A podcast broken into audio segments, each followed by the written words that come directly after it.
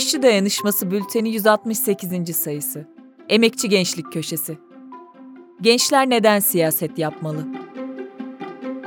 Türkiye'de uzun yıllar üniversite gençliği toplumsal muhalefetin dinamik ve görünür bölümünü oluşturdu.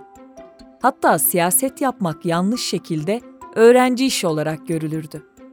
Bugün gençlerin çoğu için uzak durulması gereken bir konudur siyaset. Güvenilmezdir, kirleticidir siyasete bulaşmamak gerektiğini, siyasetle uğraşmanın aptallık olduğunu düşünenlerin sayısı hiç az değil. Biz niye bu büyük sorunlarla uğraşıyoruz diyor birisi. Bir başkası ben askeri ücretle mi ilgilenmeliyim bu yaşımda diye sitem ediyor mesela. Bundan 2500 yıl önce ünlü düşünür Aristo, insanı hayvandan ayıran özelliklerden birinin kendi başına amacı olan faaliyetlerde bulunması olduğunu söyler ki, Politika bu faaliyetlerin atasıdır. Bu sebeple insan politik bir hayvandır, canlıdır der. Peki, bu böyleyken gençler politikaya, siyasete neden mesafeliler? Öncelikle gençlerin siyasete mesafeli durmalarında hiç mi haklılık payı yok ona bakalım. Siyaset denilince çoğunluğun aklına ne geliyor? Takım elbise giymiş, buyurgan, topluma tepeden bakan tipler. Hamasi nutuklar, düşmanlaştırıcı dil, meclis kürsüsündeki anlamsız laf dalaşları, temel atma törenleri, protokol yemekleri, yolsuzluk, yalan, riya. Bir hırka bir lokma edebiyatı yapanlara bakıyorsunuz, lokmanın ballısının, hırkanın allısının peşinde koşuyorlar. Ekonominin en yetkili isimlerinden birisi, yükselen enflasyonun akıbetine dair soruyu bayrak inmeyecek, ezan susmayacak diye cevaplıyor. Bu siyaset sermaye sınıfının yani burjuvazinin siyasetidir.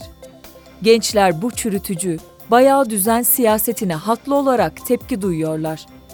Ancak bu haklı tepkinin sonucu siyasetten uzak durarak meydanı işçi emekçi düşmanı burjuva siyasete bırakmak mı olmalıdır?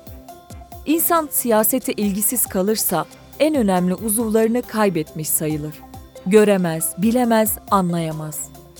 Mesela savaş için siyasetin başka araçlarla, şiddet araçlarıyla devamıdır demiştir bir Alman generali. Bugün Ukrayna'da yürüyen emperyalist savaşı düşünelim. Yaşanan onca acıyı, yıkımı. Haksız savaşlar memleket sormaz.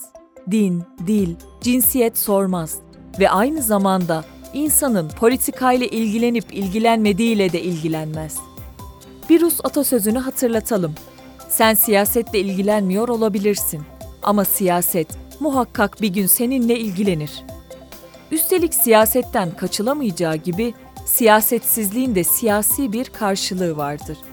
Mesela susmak. Boşuna dememiş atalarımız, sükut ikrardan gelir diye. Yani susmak onaylamaktır. Gençler olarak siyaset yapmalıyız. Ama nasıl bir siyaset, kimin siyaseti? Kabaca tarif edelim. Bizler işçi sınıfının evlatlarıyız eğitimimiz, mesleğimiz, ücretimiz ne olursa olsun bizler işçiyiz veya işçi adayıyız. Bizim yapmamız gereken siyaset, patronlar sınıfının partilerine oy vermek, onların taraftarı olmak değil, kendi sınıfımızın çıkarlarını savunmaktır. Ancak sömürüye ve savaşlara karşı çıktığımızda, işçi sınıfının çıkarlarını savunduğumuzda kendi siyasetimizi yapmış oluruz. Kendi sınıfımızın çıkarları temelinde yaşama bakıp değiştirilmesi gerekeni değiştirmeye çalışmaktır bizim bahsettiğimiz siyaset. Bizim siyasetimiz üretenler sefalet çukurunda kıvranırken bir avuç asalağın zenginlik içinde yüzmesini sorgulamaktır.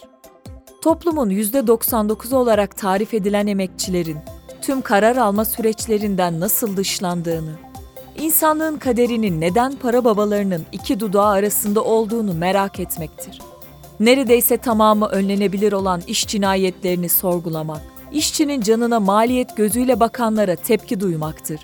Kader fıtrat diyenlere hayır demektir. Orman yangınları için alınan uçakların neden yangınlara müdahale etmediğini merak etmektir. İnsanların cinsiyetlerine, uluslarına veya inançlarına göre ötekileştirilmesini, yargılanmasını, linç edilmesini kabullenmemektir.'' Haksız ve emperyalist savaşlarla emekçi sınıfların gençliğini birbirine kırdırmak isteyenlerin yakasına yapışmaktır. ekonomik kriz, savaş, deprem, sel ya da yaşama dair herhangi başka bir şey. Bu siyaset üstü bir mesele denilen her şey gerçekte siyasi bir meseledir. Üstelik toplumun birbiriyle alakasız gibi görünen tüm büyük sorunlarının birbiriyle ve kendi kişisel hayatlarımızda şikayet ettiğimiz sorunlarla bağı vardır. Ülkede özgürlüklerin kısıtlanması demek, bizim de kişisel özgürlük alanlarımızın kısıtlanması demektir. Asgari ücretle çalışmıyor olabiliriz. Ancak asgari ücretin sefalet ücreti olması bizi de aşağı çeker. Kültürel çölleşme yaşanıyor ya da baskılar yaşamın tamamında şiddetleniyor ve bilelim ki biz de bunun sonuçlarını yaşıyoruz. Ekonomik gidişat sonucu iyice çoraklaşan yaşam, emekçi gençlik için nefes alıp vermekten ibaret kalıyor. Bugün insanlık büyük sorunlar denizinde, krizler içinde debeleniyor. Unutmayalım ki insanlığın büyük davasına sahip çıkmadan, yani kendi siyasetimizi yapmadan özgürleşemeyiz.